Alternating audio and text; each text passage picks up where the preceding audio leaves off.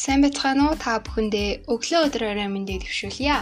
Бимба багштай сэтгэл группийн суралцагч гантлага авахтай отгон жаргал миний би өнөөдрийнхөө подкастаар та бүхэндээ соёл гэж юу болох мөн түүнийг бүрдүүлэгч элементүүдийн талаар мэдээлэл хүргэх бэлэн болоод байна. Соёлын тухай ойлголт нь нийгмийн тухай мэдлэгийн хүрээнд хамгийн суурь шинжтэй бас өргөн үрээтэй ойлголт. Соёл судлал нь 20 дугаар зууны их үед бие даасан шинжлэх ухаан болж өгдсөн. Соёл нь culture гэдэг үг буюу clore гэсэн латин үгнээс гаралтай бөгөөд энэ нь соёл улам боловсруулах, хөрс боловсруулах гэсэн утгатай. Энэ ойлголт нь хөгжсөөр оюуны болон материаллык үнэт зүйлсийг тэмдэглэх утгатай болсон байна. Хүмүүсийн нууц сэтгэлгээний соёл, бие бэлрийн соёл, харилцааны соёл, хотын соёл, экологийн соёл гэх мэт ойлголтуудыг хэрэглэх нь их түгээмэл байдаг. Үүнээс гадна соёлтой хооллох, соёл суралцах, соёлж явах гэх мэтээр ярих тохиолдол ч бас байдаг. Эдгээрээс үзэх юм бол соёл нь өдөр тутмын хэрэглээнд юуг зөв цогцтой гэж үзэх талаарх үнэлэмж хэм хэмжээ гэлтэгдэг байх нэ. Соёл судлалын ухааны үндсэн ухлагтгуун болох соёл хэмээх үзэгдлийн талаарх тодорхойлолт тоон хагас мянгад хүрч судалгааны олон тооны хандлага чиглэл бий болсон. Соёл нь хоёр онцлог шинжтэй. Нэгдүгээрт Соёл бүтээх болон эзэмших явдал бол ямар нэг ид шидийн хүчний илрэл биш. Харин хүмүүс хамтын амьдралынхаа явцад тодорхой хэрэгцээний дагуу бүтээдэг. Хоёрдугаарт соёл нь хүний амьдралын бүх талыг хамарсан өргөн хүрээтэй үзэгдэл. Хүн бол соёлын бүтээгдэхүүн. Хүн нийгэм шин гэдэг нь соёлд хуримтлагдсан жишг загварыг өөрөмшүүлж бүх хэрэг юм а. Соёл нь бэлэг тэмдэг, хэл, үнэлэмж, хим хэмжээ, мэдлэг гэсэн таван элементүүдээс бүрддэг. Бэлэг тэмдэг, хэл, үнэлэмж, хим хэмжээ, мэдлэг. Та бүхэндээ энэхүү таван элементүүдийг илүү дэлгэрэнгүй тодорхой танилцуулъя.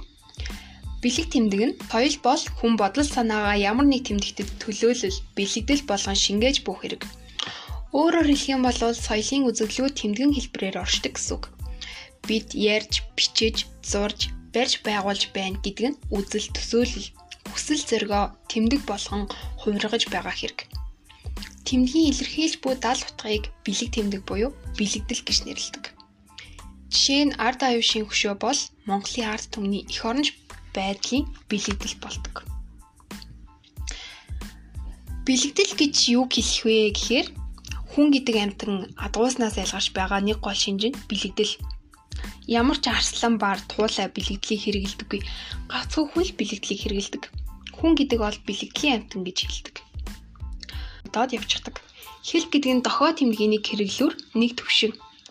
Хилтэй амтан дараагийнхаа хийсвэрлийг Хилтэй амтан дараагийнхаа хийсвэрлийг хийхээрээ бэлэгдлийг бүтээдэг. Өөрөөр хэлэх юм бол бэлэгдэл бол дохоо тэмдгийн дараагийн төвшин. Тийм учраас бэлэгдэл ганцхан Монголд байдаг зүйл биш. Гэхдээ бэлэгдлийг бүхнээс илүү эрхэмлэн үздэг үндэстэн бол яах аргагүй монголчууд бэлд билээ. За тэгэхээр хэл гэдэг нь бол тэмдгийн хамгийн түгээмэл хэлбэр. Хэл бол хүний оюуны ертөнцийг илэрхийлэгч, хадгалагч, дамжуулагч арга хэрэгсэл. Хүмүүс бодит байдлын тухай мэдээ мэдээллийг тухайн эдэмсдээ заавал шууд харилцах замаар бус харин тэдгээрийг илэрхийлэн тэмдэглэсэн үг өгүүлбэр, бичвэр, зураг тохио зангаа хэрэг зэрэгтэй харилцах замаар олж авдаг. Хэл химээх ойлголт нь зөвхөн яриа бичгийн хэлээр хязгаарлагддаггүй. Дохио зангаа хөдөлгөөн зэрэг биеийн хэлээр илэрхийлэгддэг. Харин үнэлэмж нь юуг зөв гэж хүлээн зөвшөөрөх бас юуг буруу зохисгүй гэж үзэх талаар нийтэд хүлээн зөвшөөрөгдсөн эрхэм чанаруудыг үнэлэмж гэдэг. Жишээлх юм бол шударга яс, хүний эрх, эрдэм боловсрал гэх мэт. Хим хэмжээнд хүмүүсийн зан төлөвийг зохицуулдаг дэг журам, хууль дүрм, ёс заншил зэргийг бүхэлд нь хим хэмжээ гэдэг. Хим хэмжээнд зохистой сайхан хувцлагаас эхлээд муу уул үлдэж болохгүй гэх зэрэг өргөн агуулгатай. Мэдлэг нь хүмүүсийн мэддэг баримт, туршлага, үнэт зүйлсийг хэлдэг. Жишээ нь Монголын ард түмэн тэнгэр унших эрдэм, дөрвөн үлрэлт, малын арчлах, маллах, үржүүлэх, бэлчээрийн өв сургамлын ач тусыг таних зэрэг туршлагын шинжтэй эрдэм ухааны бий болгосон. Ийм туршлагын шинжтэй мэдлэгээс гадна үлгэр домог, шашин, урлаг, шинжлэх ухаан, философи гэх мэт мэдлэгийн олон хэлбэр байдаг гохнэ. Германы соёл судлаач Эрнст Кассерер овог аймагуудын хил, домог, шашин, урлаг зэрэг соёлын үзэгдлийг судалсаны үндсэндээ соёлын тухай бэлэгдлийн онолыг үндэслэжээ. Хүн бол бэлэг тэмдэг бүтээгч. Иймд хүн бол пиццэг ертөнцид төдийгүй бэлэгдлийн ертөнцид амьдрна. Энэ бол домог, хил, урлаг, шашин, түүх, шинжлэх ухааны ертөнц байх юм. Энэ ертөнцид нь хүний эргэн тойронд бат бих торон сүлжээ үүсгэж байдаг соёл хөгжиж дэвшихтэй гагцгүй энэ тоорны сүлжээг л бат бих болон чанаржуулж байдаг билээ. Өнөөдрийн маань подкаст зүгээр өндөрлөж байна. Надтай хамт исэн та бүхэндээ баярлалаа. Өдрийг сайхан өнгөрүүлээрэй.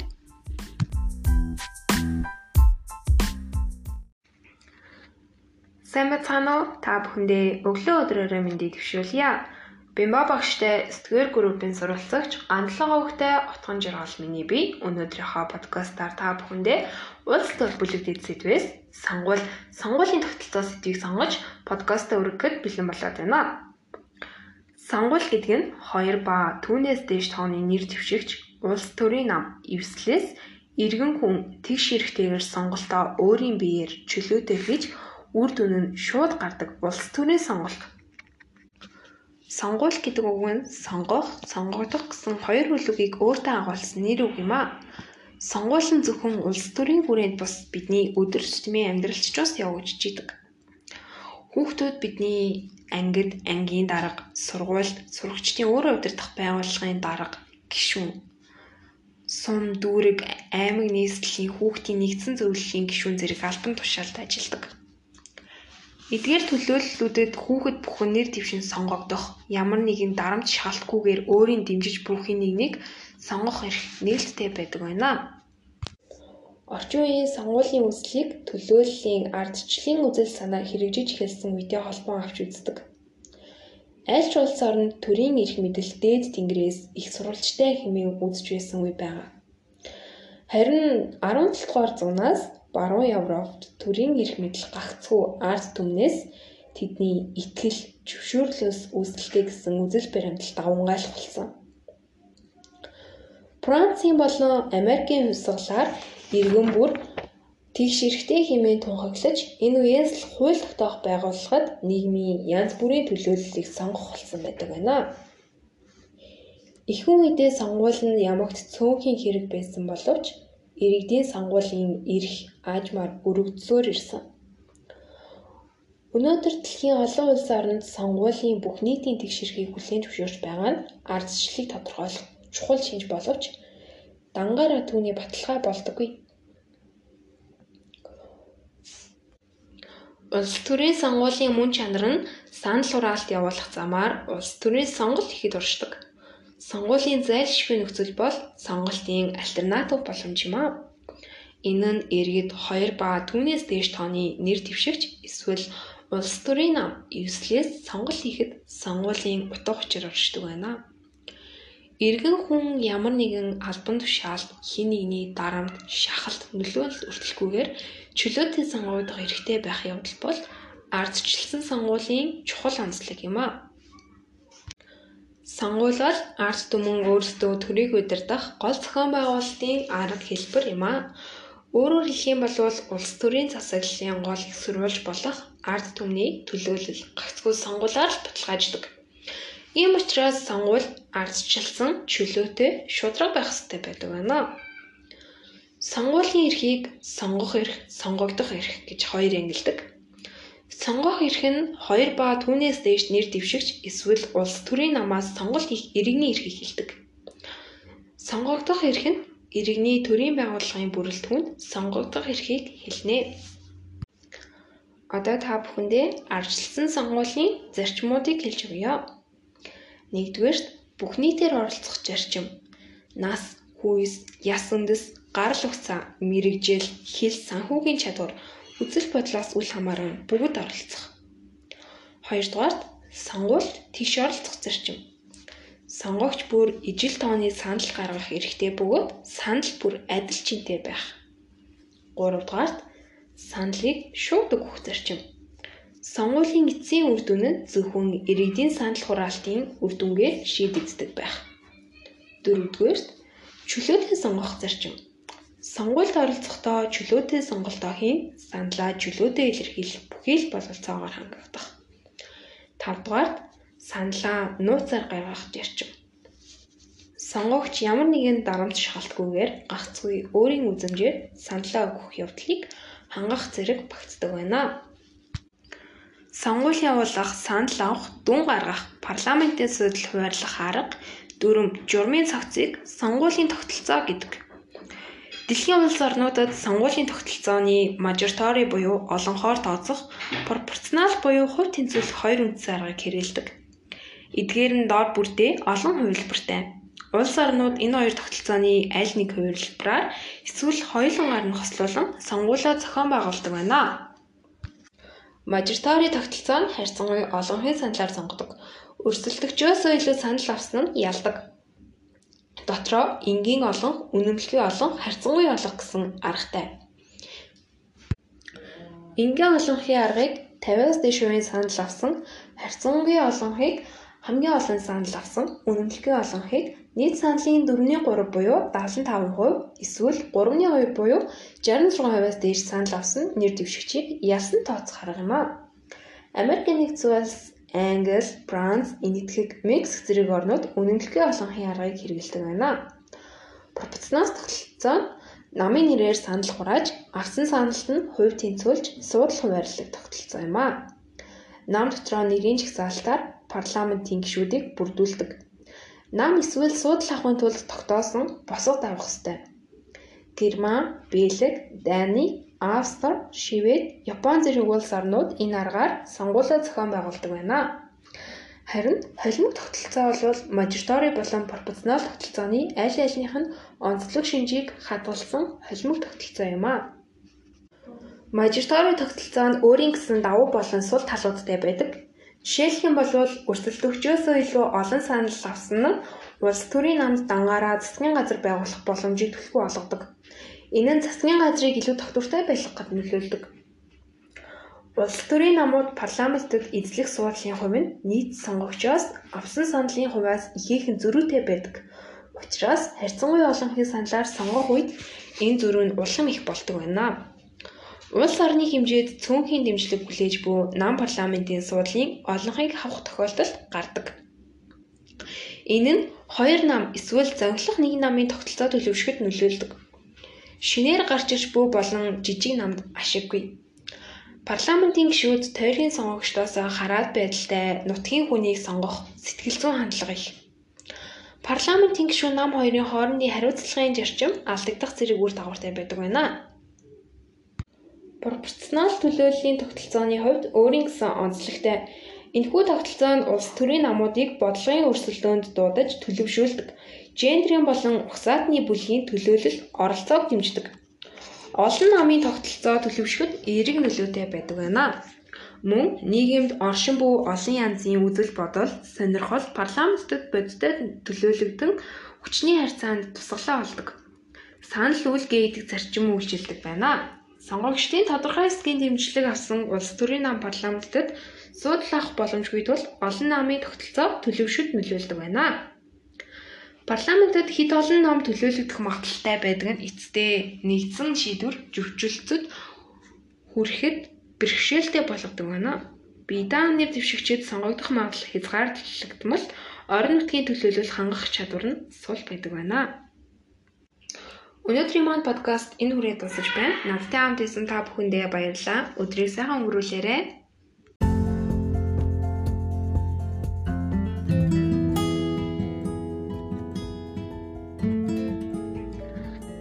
Сайн байцгаана уу? Та бүхэндээ өглөө өдрөөрөө мэндийг төвшүүлье. Бимба багштай сэтгэвэр группийн сурвалцагч Гандлага хөвгтэй утган жиргал миний би өнөөдрийнхөө подкастаар та бүхэндээ улс төр бүлэгдэд сэдвээс сонгуул сонгуулийн тогтолцоо сэдвийг сонгож подкастаа өргөхөд бэлэн болоод байна. Сонгуул гэдэг нь хоёр ба түүнээс дээш тооны нэр дэвшигч улс төрийн нам эвслээс иргэн хүн тэгш хэрэгтэйгээр сонголтоо өөрийн биеэр чөлөөтэй хийж үр дүн нь шууд гардаг улс төрийн сонголт Сонгуул гэдэг үг нь сонгох, сонгогдох гэсэн хоёр хөлөгийг өөртөө агуулсан нэр үг юм а. Сонгуул нь зөвхөн улс төрийн хүрээнд бус бидний өдөр тутмын амьдралч бас явуулж идэг. Хүүхдүүд бидний ангид, ангийн дарга, сургуульд, сурагчдын өөрөө удирдах байгууллагын дарга, гишүүн, сум, дүүрэг, аймаг нийслэлийн хүүхдийн нэгдсэн зөвлөлийн гишүүн зэрэг албан тушаалд ажилладаг. Эдгээр төлөөллүүдэд хүүхэд бүхэн нэр дэвшин сонгогдох, ямар нэгэн дарамт шалтгүйгээр өөрийн дэмжиж бүрхийн нэгнийг сонгох эрх нээлттэй байдаг байна. Орчин үеийн сонгуулийн үүслийг төлөөллийн ардчлалын үзэл санаа хэрэгжиж эхэлсэн үедээ холбон авч үздэг. Аль ч улс орнд төрийн эрх мэдэл дээд тэнгэрээс их сурвалжтай хэмээн үзэж байсан үе байгаа. Харин 17 дугаар зуунаас баруун Европт төрийн эрх мэдэл гагцхүү ард түмнээс тэдний итгэл, зөвшөөрлөөс үүсэлтэй гэсэн үзэл баримтал давмгайлах болсон. Францын болон Америкийн хувьсгалаар иргэн бүр Тэгш эрэхтэй хэмээн тунхаглаж энэ үеэс л хууль тогтоох байгууллагад нийгмийн янз бүрийн төлөөллийг сонгох болсон байдаг байна. Ихэнх үедээ сонгуул нь ямагт цөөнхийн хэрэг байсан боловч иргэдийн сонгуулийн эрх аажмаар өргөдлөөр ирсэн. Өнөөдөр дэлхийн олон улс орнд сонгуулийн бүх нийтийн тэгшэрхийг хүлээн зөвшөөрч байгаа нь ардчлалыг тодорхойлох чухал шинж боловч дангаараа түүний баталгаа болдоггүй. Улс төрийн сонгуулийн мөн чанар нь санал хураалт явуулах замаар улс төрийн сонголт ихэд уршдаг. Сонгуулийн зайлшгүй нөхцөл бол сонголтын альтернатив боломж юм аа. Энэ нь иргэд 2 ба түүнээс дээш тооны нэр дэвшигч эсвэл улс төрийн нам эвслээс сонголт хийхэд сонгуулийн утга учир оршдог байна. Иргэн хүн ямар нэгэн албан тушаалд хин нэгний дарамт, шахалт нөлөөлөл өртөлгүйгээр чөлөөтэй сонгогдох эрхтэй байх явдал бол ардчилсан сонгуулийн чухал онцлог юм а. Сонгуул бол ард түмэн өөрсдөө төрийг удирдах гол зохион байгуулалтын арга хэлбэр юм а. Өөрөөр хэлэх юм бол улс төрийн засаглалын гол их сурвалж болох ард түмний төлөөлөл гагцгүй сонгуулаар баталгааждаг. Ийм учраас сонгуул ардчилсан чөлөөтэй шудраг байх хэрэгтэй байдаг байна. Сонгуулийн эрхийг сонгох эрх, сонгогдох эрх гэж хоёр ангилдаг. Сонгох эрх нь хоёр ба түүнээс дээш нэр дэвшигч эсвэл улс төрийн намаас сонголт хийх иргэний эрхийг хэлдэг. Сонгогдох эрх нь иргэний төрийн байгууллагын бүрэлдэхүүн сонгогдох эрхийг хэлнэ.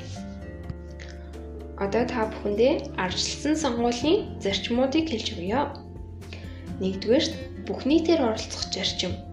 Нас, хүйс, яс үндэс, гарал угцаа, мэрэгжил, хэл санхүүгийн чадвар, үзэл бодлоос үл хамааран бүгд оролцох. Хоёрдугаарт сонгуульд тийш оролцох зарчим. Сонгогч бүр ижил тооны санал гаргах эрхтэй бөгөөд санал бүр адил чинтэй байх. Гуравдугаарт саналыг шууд өгөх зарчим Сонгуулийн эцсийн үр дүн нь зөвхөн иргэдийн санал хураалтын үр дүнгээр шийдэгддэг байх. Дөрөвдүгээр чөлөөтэй сонгох зарчим. Сонгуульд оролцохдоо чөлөөтэй сонголтоо хийн, саналаа чөлөөтэй илэрхийлэх бүхий л бололцоогоор хангагдах. Тавдугаар саналаа нууцаар гаргах зарчим. Сонгогч ямар нэгэн дарамт шалтгүйгээр гагцгүй өөрийн үзмжээр саналаа өгөх явдлыг хангах зэрэг багтдаг байна сонгууль явуулах, санал авах, дүн гаргах, парламентын судал хуваарлах арга, дөрөв журмын цогцыг сонгуулийн тогтолцоо гэдэг. Дэлхийн улс орнуудад сонгуулийн тогтолцооны мажоритори буюу олонхоор тооцох, пропорционал буюу хувь тэнцвэрлэх хоёр үндсэн аргыг хэрэгэлдэг. Эдгээр нь доор бүртээ олон хувилбартай. Улс орнууд энэ хоёр тогтолцооны аль нэг хувилбараар эсвэл хоёулангаар нь хослуулан сонгуулиа зохион байгуулдаг байна. Мажоритори тогтолцоо нь харьцангуй олонхын саналаар сонгодог. Өрсөлдөгчөөсөө илүү санал авсан нь ялдаг. Дотроо энгийн олон, үнэмлэхүй олон, харьцангуй олон гэсэн аргатай. Энгийн олонхын аргыг 50-аас дээш хувийн санал авсан, харьцангуй олонхыг хамгийн олон санал авсан үнэмлэхүй олонхыг нийт саналын 4-3 буюу 75% эсвэл 3-2 буюу 66%-аас дээш санал авсан нэр дэвшигчийг ялсан тооцох арга юм а. Америк нэгдсэн улс, Англи, Франц, Энэтхэг, Мексик зэрэг орнууд үнэмлэхээ олонхын аргыг хэрэглэдэг байна. Пропорционал тогтолцоо нь намын нэрээр санал хурааж, авсан саналт нь хувь тэнцвүүлж, суудлах хуваарлах тогтолцоо юм а. Нам дотроо нэрийн жагсаалтаар парламентын гишүүдийг бүрдүүлдэг. Нам эсвэл суудлах авахын тулд тогтоосон босго давах ёстой. Герман, Бэлэг, Дани, Австри, Швед, Япон зэрэг улс орнууд энэ аргаар сонгуулиа зохион байгуулдаг байна. Харин холимог тогтолцоо бол мажоритори болон пропорционал тогтолцооны аль альнийх нь онцлог шинжийг хадгалсан холимог тогтолцоо юм а. Мажоритори тогтолцоо нь өөрийн гэсэн давуу болон сул талуудтай байдаг. Жишээлх юм бол өрсөлдөгчөөсөө илүү олон санал авсан нь улс төрийн намд дангаараа засгийн газар байгуулах боломжийг төлхөө олгодог. Энэ нь засгийн газрыг илүү тогтвортой байлгахад нөлөөлдөг. Улс төрийн намууд парламентэд эзлэх суудлын хувь нь нийт сонгогчоос авсан саналын хувьас ихээхэн зөрүүтэй байдаг. Учираас харьцангуй олонхын саналаар сонгох үед энэ зөрүү нь улам их болдог байна. Улс орны хэмжээд цөөнхийн дэмжлэг хүлээж буй нам парламентын суудлын олонхыг авах тохиолдол гардаг. Энэ нь хоёр нам эсвэл зовлох нэг намын тогтолцоо төлөвшөхөд нөлөөлдөг. Шинээр гарч иж буй болон жижиг намд ашиггүй. Парламентын гишүүд тойргийн сонгогчдоос хараад байдалтай нутгийн хүнийг сонгох сэтгэл зүйн хандлага их. Парламентын гишүүн нам хоёрын хоорондын хариуцлагын зарчим алдагдах зэрэг үр дагавартай байдаг байна. Пропорционал төлөөллийн тогтолцооны хувьд өөрийн гэсэн онцлогтой. Энэхүү тогтолцоо нь улс төрийн намуудыг бодлогын өрсөлдөөнд дуудаж төлөвшүүлдэг гендрийн болон ухсаатны бүлгийн төлөөлөл оролцоог дэмждэг. Олон намын тогтолцоо төлөвшөхөд эерэг нөлөөтэй байдаг байна. Мөн нийгэмд оршин буй олон янзын үзэл бодол, сонирхол парламентэд бодиттой төлөөлөгдөн хүчний харьцаанд тусгалаа болдог. Санал үйлгээ идэх зарчим үйлчилдэг байна. Сонгогчдын тодорхой хэсгийн дэмжлэг авсан улс төрийн нам парламентэд суудлах боломжгүй тул олон намын тогтолцоо төлөвшөлт нөлөөлдөг байна. Парламентэд хэд олон ном төлөөлөгдөх магадaltaй байдаг нь эцдээ нэгдсэн шийдвэр зөвшөлтөд хүрэхэд бэрхшээлтэй болгодог байна. Бидан нэр дэвшигчид сонгогдох магадлал хязгаарлагдмал орон нутгийн төлөөлөл хангах чадвар нь сул байдаг байна. Өнөөдрийн маань подкаст энэ хүрээд дуусаж байна. Надтай хамт исэн та бүхэндээ баярлалаа. Өдрийг сайхан өнгөрүүлээрэй.